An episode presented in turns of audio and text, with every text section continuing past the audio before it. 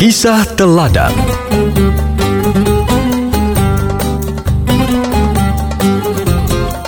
Kisah Teladan Kumpulan cerita tentang kemuliaan akhlak dan ketinggian budi pekerti.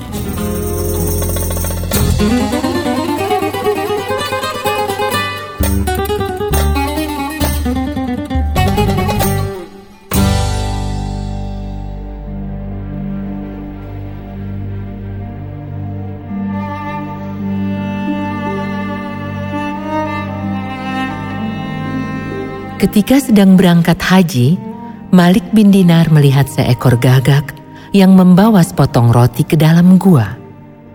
Di dalam gua itu, Malik menyaksikan seorang laki-laki yang diikat dalam keadaan lemah, dan di hadapannya terdapat potongan-potongan roti.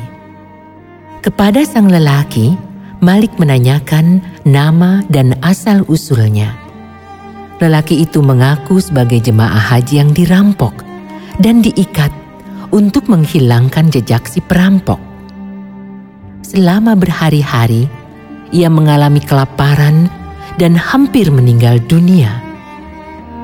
Dalam keadaan hampir putus asa, ia memasrahkan segalanya kepada Allah dan dengan sepenuh hati memanjatkan doa.